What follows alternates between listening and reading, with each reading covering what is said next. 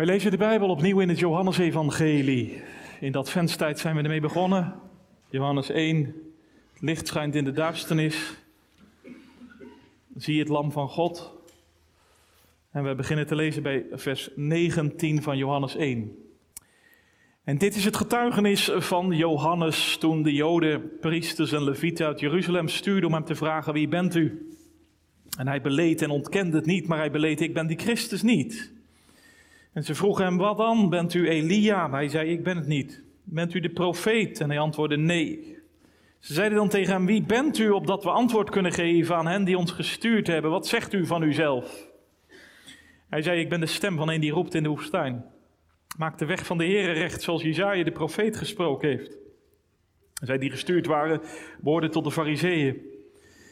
En ze vroegen hem, waarom doopt u dan als u de Christus niet bent en Elia niet en evenmin de profeet? Johannes antwoordde hun, ik doop met water, maar midden onder u staat hij die u niet kent. Hij is het die na mij komt, die voor mij geworden is, bij wie ik het niet waard ben de riem van zijn sandalen los te maken. Dit gebeurde in Bethabara aan de overkant van de Jordaan, waar Johannes doopte. De volgende dag zag Johannes Jezus naar zich toe komen en hij zei: Zie het lam van God dat de zonde van de wereld wegneemt. Hij is het van wie ik gezegd heb: Na mij komt een man die voor mij geworden is, want hij was er eerder dan ik. En ik kende hem niet, maar opdat hij aan Israël geopenbaard zou worden, daarom ben ik gekomen om te dopen met het water. En Johannes getuigde: Ik heb de geest zien neerdalen uit de hemel als een duif, en hij bleef op hem. En ik kende hem niet, maar hij die mij gezonden heeft om te dopen met water, die had tegen mij gezegd, op wie u de geest zult zien neerdalen en op hem blijven, die is het die met de Heilige Geest doopt. En ik heb gezien en getuigd dat hij de Zoon van God is. De volgende dag stond Johannes daar weer met twee van zijn discipelen. En toen hij Jezus zag lopen, zei hij: Zie het Lam van God. De twee discipelen hoorden hem dat zeggen en ze volgden Jezus. En toen Jezus zich omkeerde en zag dat ze volgden, zei hij tegen hen, wat zoekt u? En ze zeiden tegen hem, rabbi, wat vertaald wil zeggen, meester, waar woont u? Hij zei tegen hen, kom en zie. Ze kwamen en zagen waar hij woonde en bleven die dag bij hem. En het was ongeveer het tiende uur. Andreas, de broer van Simon Petrus, was een van de twee die van Johannes gehoord hadden en hem gevolgd waren. Deze vond als eerste zijn eigen broer Simon en zei tegen hem: Wij hebben de Messias gevonden, wat vertaald wordt als de Christus. En hij leidde hem tot Jezus. Jezus keek hem aan en zei: U bent Simon, de zoon van Jona. U zult Kefas genoemd worden, wat vertaald wordt met Petrus. De volgende dag wilde Jezus weggaan naar Galilea en hij vond Filippus en zei tegen hem: Volg mij. Filippus nu kwam uit Bethsaida, uit de stad van Andreas en Petrus.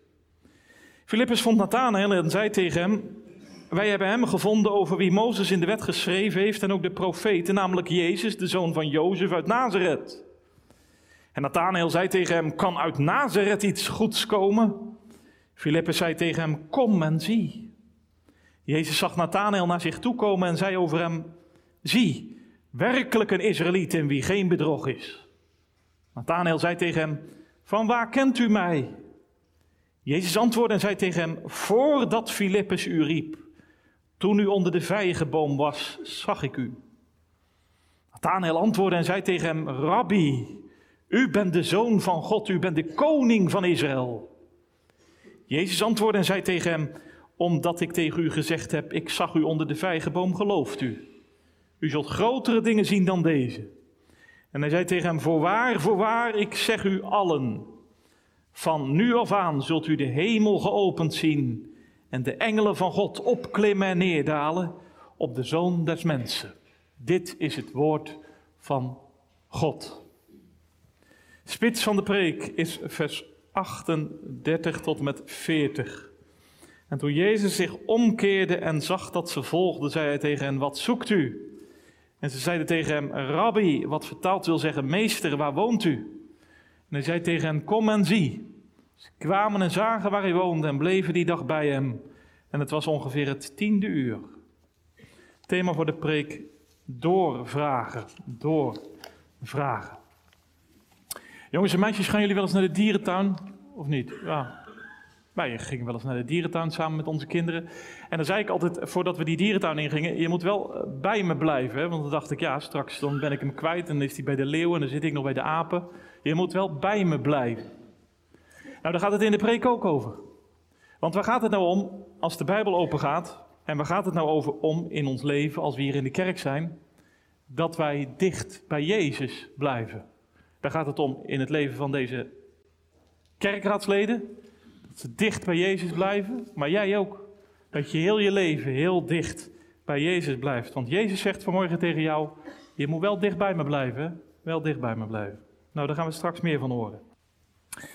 Ja, gemeente, eerste indrukken. Ze zijn van groot belang. Ik las over een wetenschappelijk onderzoek.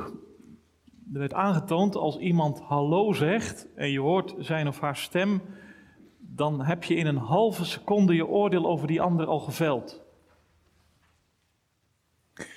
Eerste indrukken, ze zijn onuitwisbaar in bepaalde situaties. Daar weet jij ook alles van, hè? die eerste keer. Je zag die jongen, hij kwam aanlopen, hij keek je aan. Je zag dat meisje, hoe ze sprak, hoe ze lachte. Het maakte indruk. Zo gaat dat nu eenmaal. Zo is het ook gegaan bij deze discipelen. Toen ze Jezus zagen aanlopen, toen ze hem in het oog kregen, toen hij tegen hen sprak voor de eerste keer, ze zijn het eigenlijk nooit meer vergeten. Johannes, de apostel, hij schrijft zijn evangelie en hij weet het eigenlijk nog precies. Die eerste indruk van Jezus, die eerste vraag van Jezus, die eerste momenten met Jezus, zelfs de tijd. Nou ja, ongeveer. Hij zegt, het was ongeveer het tiende uur, vier uur in de middag. Toen gebeurde het en die hele dag bleven we bij hem. Om nooit te vergeten, om altijd te koesteren, die eerste tijd met Jezus, die eerste liefde. Ik hoop eigenlijk dat je het kent als ouderen vijftiger, zestiger, als jongere, tiener, twintiger, dertiger, kerkraadslid, gemeentelid. Bepaalde ontmoetingen met Jezus, dat hij op je toe kwam, dat je in het woord, dat je door de geest hem zag staan, dat je hem hoorde spreken. Het was raak. De eerste liefde werd geboren. Zulke momenten vergeet je nooit meer, toch? Ja, misschien weet je zelfs nog de tijd. De dag en het uur. Niet dat dat noodzakelijk is, zelf ken ik dat eigenlijk niet zo. Als kind is het in mij gaan geloven onder de prediking van het woord, maar ik ken wel momenten, bepaalde indrukken dat Jezus zo dichtbij kwam in mijn leven, ontmaskerend en ontdekkend, liefdevol en genadig in de verkondiging van het woord, in het persoonlijke Bijbellezen, als keerpunt en kernmomenten. Ja, en als je dat niet kent, dan zou ik zeggen, dan kan dit zomaar het uur worden. Ongeveer half elf op zondag 14 januari. Dat het ervan komt, daar verlangen we naar. Voor jou, voor u, voor mij. Want Jezus komt ook vandaag weer voorbij. Hier in het woord en door zijn geest, net zoals daar bij Andreas en die ander. Wie is die ander? Johannes de Apostel, zo wordt gedacht, en dat geloof ik zelf ook. Maar voel het vooral ook als een uitnodiging om je naam hierin te leren vullen, om meegenomen te worden, dat je zeggen gaat in die dienst van 14 januari 2024. Ik weet niet wat er gebeurde, maar ik weet dit wel. Ik ging met Andreas mee achter Jezus aan en ik ging ontdekken, die ander, dat ben ik. Ik hoorde de stem van Jezus, ik ging hem volgen toen en daar. Nee, ik geef toe, Jezus volgen, dat gaat nooit vanzelf. Uit jezelf ga je echt niet achter de Heer Jezus aan. Dat is zo duidelijk als het maar zijn kan. De wereld heeft hem niet gekend en de zijnen hebben hem niet aangenomen. Zo begon dit evangelie. Weet je het nog van Johannes 1? God zelf zet echter door. Hij schept een nieuw begin, zodat u en ik alles gaan zien in de Zoon, hem aannemen en kind van God worden. Want kijk maar hoe dat gaat.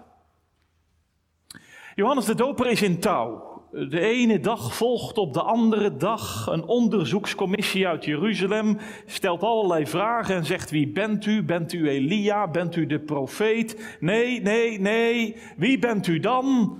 Een stem. Niet meer en niet minder. En dat blijkt ook, want de volgende dag komt Jezus. Johannes ziet hem naar zich toe komen. Hij wijst hem aan met zijn lange vinger. Hij zegt: Zie, het lam van God dat de zonde der wereld wegdraagt. Jezus wordt zelfs gedoopt door Johannes. En terwijl hij gedoopt wordt, ziet Johannes de geest op hem blijven. Maar goed, niemand gaat nog achter Jezus aan. Dat gebeurt pas weer de volgende dag. Zie je het? De volgende dag. Nee, Jezus loopt nu niet op Johannes toe, maar letterlijk staat daar in vers 36, Jezus loopt daar wat rond. Hij loopt daar wat rond, hij houdt zich daar wat op. En Johannes de Doper, kan het niet laten, weer die uitgestoken vinger, hij roept, zie het lam van God. En zo waar. Vers 37, ze horen en ze volgen. Onderstreep die woorden maar. Want daar komt het altijd op aan, gemeente. Horen en volgen.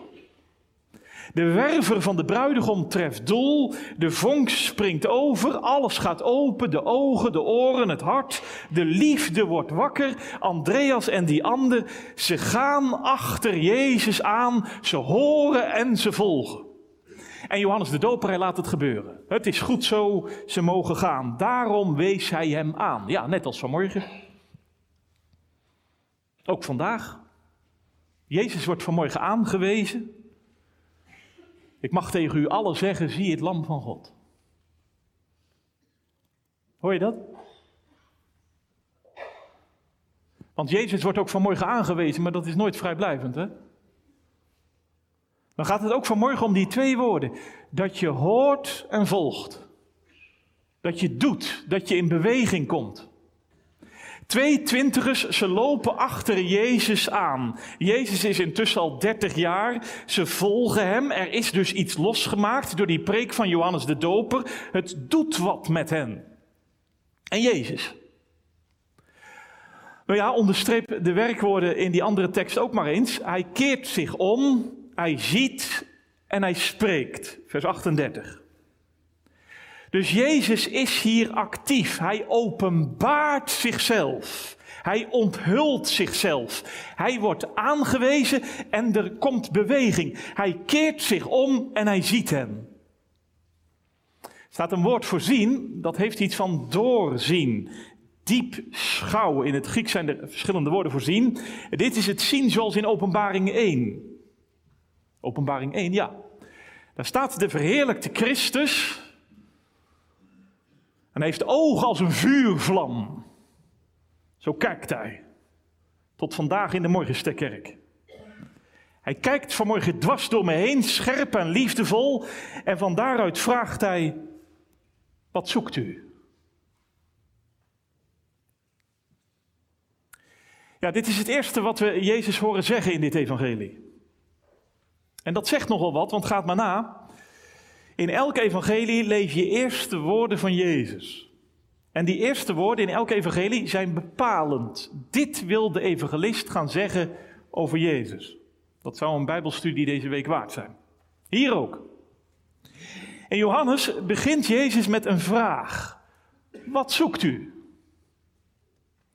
Nee, deze vraag is niet de enige vraag in dit evangelie. We zullen het wel zien. Dit evangelie staat vol met vragen van Jezus. Hier vraagt hij, wat zoekt u? Straks in Johannes 18, als hij gevangen genomen wordt, dan vraagt hij, wie zoekt u? Later in Johannes 20, als hij in de graftuin Maria ziet huilen, vraagt hij weer, wie zoekt u? Jezus vraagt. Waarom doet Jezus dat?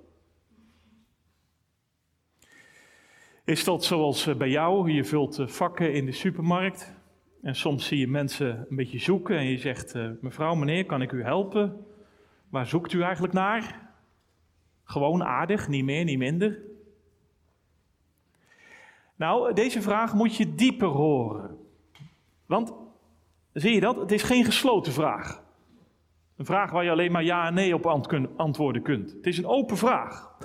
Dus deze vraag van Jezus, wil je leven openen? Dat is een kunst apart. Hè? Ik kreeg het vak pastoraat op de universiteit.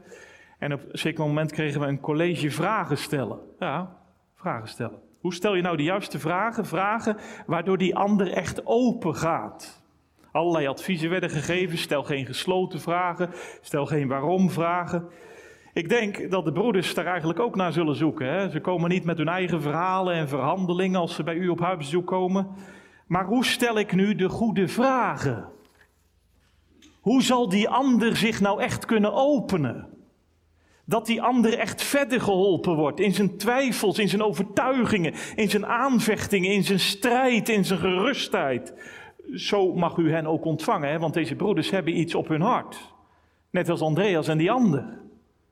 Ze komen om u te werven voor Jezus, om je te leiden tot Hem voor het eerst en weer opnieuw, om vragen te stellen aan u, aan jou, die je hart zullen openen. En broeders, neem deze vraag van Jezus dan maar als eerste mee. Om te stellen in de gemeente aan jongeren en ouderen, wat zoekt u? Dat moet je hier horen als, wat verlangt u? Wat verlang je nou eigenlijk in je bestaan? Gemeente, vertel het eens. Als u dat vanmorgen zou moeten zeggen, wat verlangt u nou eigenlijk?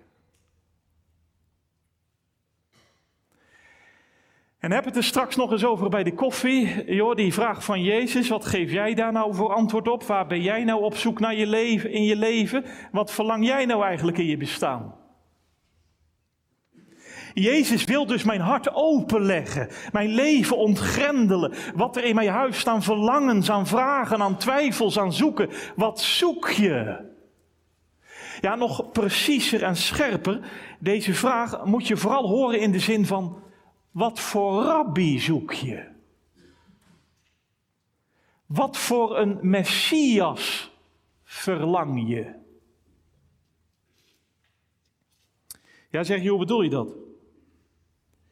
Nou, ik denk dat dat toen actueel was, maar nu niet minder.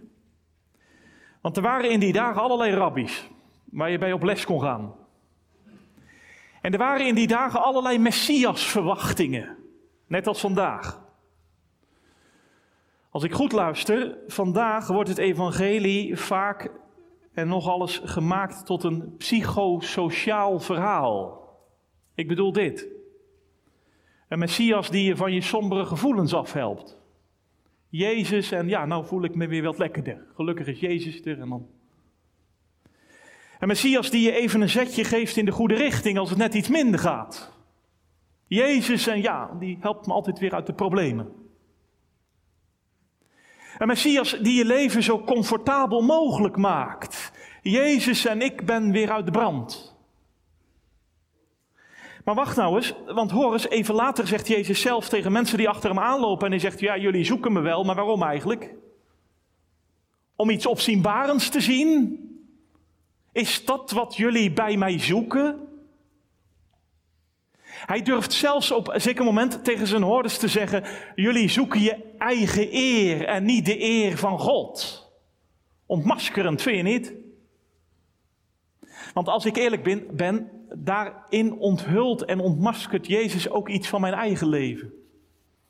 Van mijn eigen zoeken en verlangen. Heel veel kan zo draaien om mezelf. Ook en juist in de kerk. En op zoveel gebieden meer. Mijn zoeken kan zo verkeerd zijn. Hè? Ken je dat? Ik bedoel dit gemeente. Jezus is hier aangewezen als het lam van God. Dus als hij vraagt, wat zoekt u? Wat voor Messias verlangt u nu eigenlijk? Dan klinkt dat erin mee. Want dit wil hij zijn vooral en allereerst. Lam van God. Zonde wegdragen. Zonde optillen. Voorzien in jou en mijn grootste probleem. Zo wil hij aangenomen worden door deze jongens. Zo wil hij vanmorgen aangenomen worden door jou en door mij. Niet in de eerste plaats als een Jezus waardoor ik me een beetje lekkerder voel in mijn leven. Als een Jezus die mij altijd een beetje weer uit de problemen helpt en uit de brand helpt. Die mijn leven zo makkelijk mogelijk maakt. Nee, gemeente, het lam van God dat de zonde van de wereld wegdraagt. Zo wil hij aangenomen worden. Ja, zeg je, ja, ja, ja, maar dat is nou juist mijn vraag. Want hoe neem ik Jezus dan aan? En hoe ontvang ik hem dan in mijn leven als het lam van God? Dat zal ik je vertellen. Door net als die leerlingen door te vragen. Let maar op. Ja, ik geef toe, het klinkt haast onbeholpen. Hè? Ze, ze, ze, ze, ze horen Jezus zeggen, wat zoekt u? En ze zeggen, Rabbi, waar woont u? Jezus is aangewezen als het lam. Ze spreken hem aan als rabbi met de wedervraag, waar woont u? Letterlijk, waar verblijft u? Alleen die vraag, dat is weer niet iets van, uh, nou ja, de tweede straat, het derde huis van links. Maar met die vraag leggen ze hun verlangens op tafel. Rabbi, wij willen bij u in de leer. U bent rabbi, mogen we bij u op les? Meester, mogen we weten waar u woont? Want wij willen bij u zijn. Wij willen bij u komen. Wij komen niet meer los van u. Waar verblijft u? Proef je de liefde? Zeg je het mee? Want weet u wat ik zo ontroerend vind? Dat antwoord van Jezus, hè? Dat is zo uitnodigend en royaal. Hij zegt: Kom en zie. Kom en zie. Nu al trilt het door de woorden heen. Zo zal het straks klinken in dit evangelie. Kom en zie, want Johannes 6, wie tot mij komt, werp ik nooit weg. En Johannes 14, wie mij gezien heeft, die heeft de Vader gezien. Kom en zie. En ze kwamen en zagen en ze bleven die dag bij hem. En het was ongeveer het tiende uur. Wat een ontmoeting, hè? Ineens breekt alles open. Alles valt op zijn plek. Wat zoekt u? Waar woont u? En ze bleven bij hem. Een paar woorden, maar zo vol gewicht. Voel je dat? Want broeders, vandaag wordt u bevestigd, herbevestigd. We spraken elkaar over uw bevestiging en herbevestiging, over uw verlangens, diaconaal nabij zijn, het goede doen en het goede zoeken voor het geheel van de gemeente, de financiën goed beheren, het scribaat oppakken, omzien naar elkaar in de gemeente. Zoveel verlangens die voluit meedoen.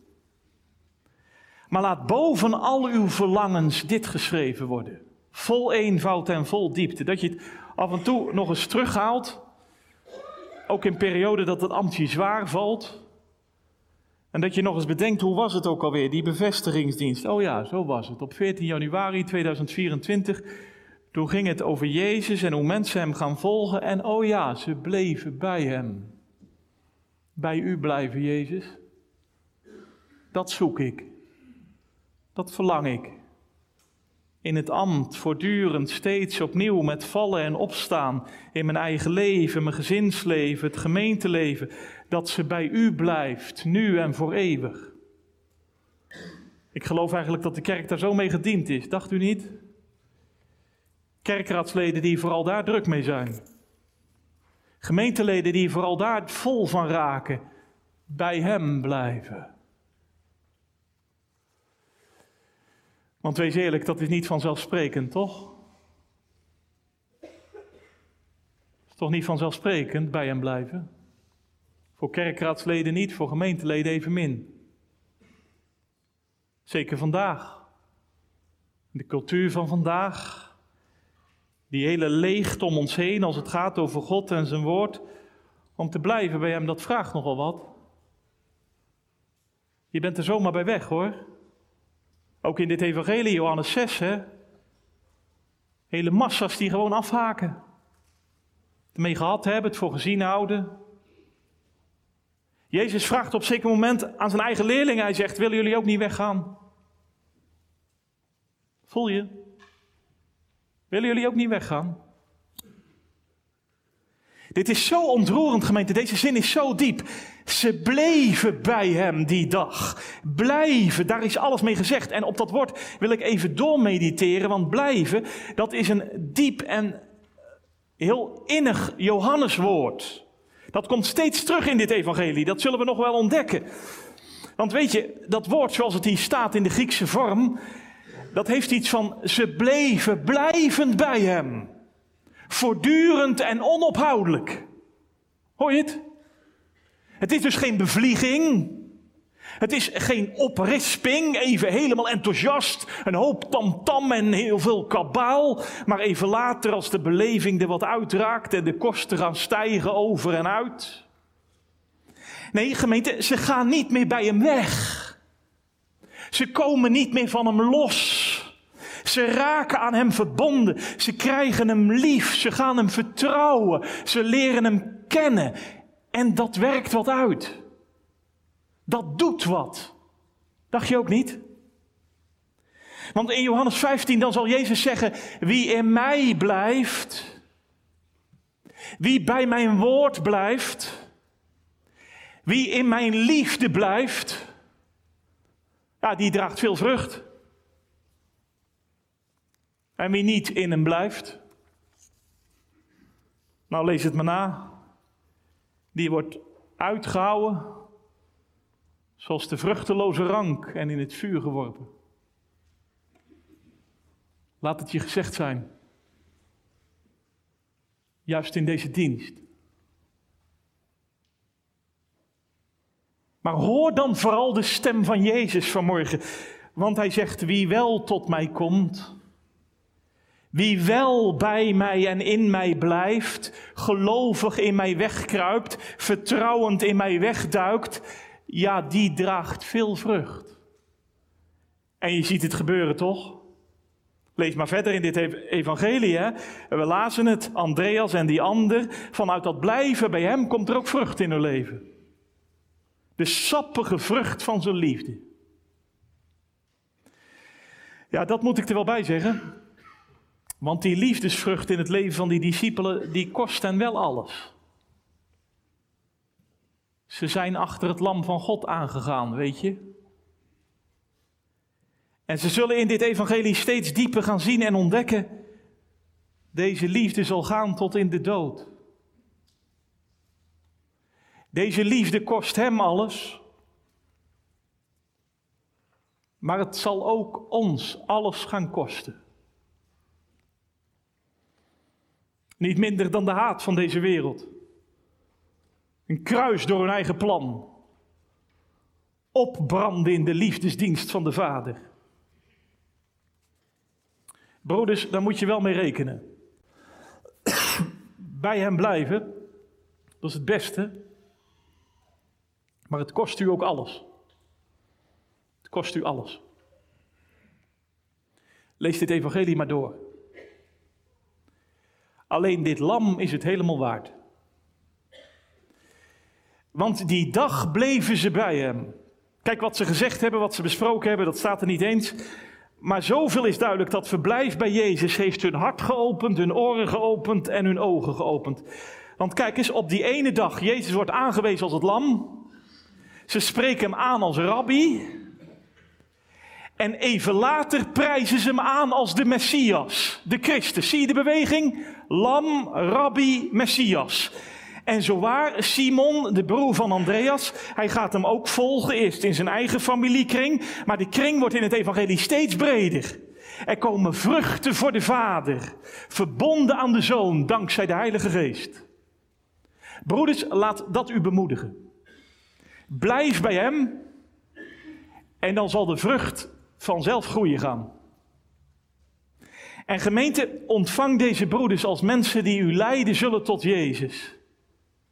Zodat er een gemeente zal zijn tot in Zoetermeer, die ook vandaag komt, ziet en blijft. Zodat er van de kerkraad en de gemeente gezegd kan worden, ze bleven bij hem. Ja, zegt u, dat klinkt aardig en heel mooi. Maar dan denk ik, moet ik dat dan zelf gaan doen? Misschien zit hier wel iemand in de bevestigingsdienst en je was eerder in je leven heel dicht bij Jezus. Maar de laatste tijd, je zit hier en je denkt om echt bij Jezus te blijven. Hoe kan dat? Dat hoop ik, hè? Ik ben zo makkelijk weg. Ik drijf zomaar af. Hoe kom ik weer tot Hem en hoe blijf ik bij Hem? Hier is het geheim. Twee woorden. Ik zou ze gewoon opschrijven. Diep in je hart sluiten voor heel je ambtsperiode. Luister. Bij Hem. Heb je het? Bij Hem. Ze bleven bij Hem. Daar ligt het geheim. Niet in je eigen power, niet in je eigen volgen, niet omdat ik zo volhardend ben, niet omdat ik er tenminste echt voor ga. Nee, bij Hem. Hij doet ons komen en blijven, want Hij is degene op wie de geest bleef. Hij zal als een lam zijn vader liefhebben tot het einde. Hij zal gaan uit liefde voor alle die van hem zijn. En zijn liefde kost hem alles. Maar hij doet het, gemeente. Hij doet het. Zijn leven afleggen voor mensen die hun eigen eer zoeken. Zich als een lam laten slachten voor mensen die zo druk zijn in hun leven met hun eigen wil en wet. Zich helemaal geven voor zijn schapen. Dat doet Jezus, de Christus, die zich ook vandaag vinden laat want gemeente, deze Jezus, hij heeft de troosten gezonden. De geest wil ook in 2024 broeders roepen om vrucht te dragen voor hem. Om zich helemaal te geven voor de Vader en voor zijn gemeente. Om te dienen. Om het lam te volgen. Om het lam aan te wijzen. Al kost het ons alles. Ons leven, onze reputatie, onze eigen eer, onze eigen wil. Als de Vader maar geëerd wordt en de Zoon maar aangewezen wordt, zodat de Geest het zal doen. De Geest die ook in dit jaar een gemeente scheppen wil in deze wereld, die heel eenvoudig, maar tegelijk ook zo diep bij Hem zal blijven. Ja, en al kost ons dat de haat van deze wereld, al snappen velen er helemaal niks van. Toch bij hem blijven. Blijf je er echt bij? Ga, ga je naar de kerk, joh? Blijf je er echt bij bij Jezus en die kerk en zo? Blijf, je erbij? Ga je toch niet menen? Blijf je? Ja, ja. Ik blijf bij hem. Want ik heb zijn stem gehoord in die morgensterkerk. Hij riep me. Hij werd me gewoon te sterk. De vonk van de liefde sprong over. Toen hij tegen me zei: Kom en zie. Hoor je dat? Ook vanmorgen. Want hij bedoelt jou ook, hè? Jou, hij bedoelt, ja, hij bedoelt u. Heel persoonlijk. Hij zegt vanmorgen heel persoonlijk tegen ons allen: Kom en zie. Want wie tot mij komt, zal ik nooit uitwerpen. En wie mij gezien heeft, die heeft de Vader gezien. Kom dan gemeente en zie. Maar dat vanmorgen wordt gehoord door de macht van het woord en de kracht van de geest. Daar gebeurt het ook vandaag, ik weet het zeker. Daar komen mensen vanmorgen tot het lam van God. Met al hun zonde en schuld. Met al hun zoeken en verlangen. Ze kwamen en ze zagen. En ze bleven bij hem. En het was ongeveer elf uur.